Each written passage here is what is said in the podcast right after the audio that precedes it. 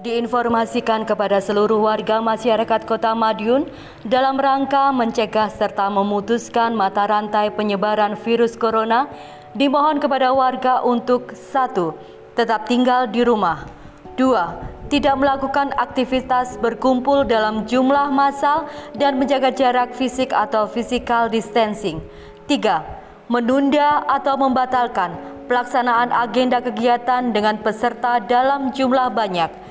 Empat, kepada pemilik warung atau angkringan dimohon untuk tidak menyediakan tempat duduk dan melayani pembelian makanan dengan cara dibungkus.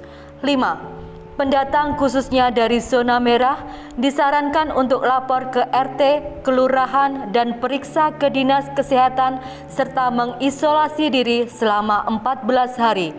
Enam, kepada warga dimohon untuk melakukan pola hidup bersih sehat dengan cara melaksanakan cuci tangan pakai sabun, cukupi asupan gizi sayur dan buah, dan jangan lupa untuk melakukan olahraga dan cukup terpapar sinar matahari. Terima kasih.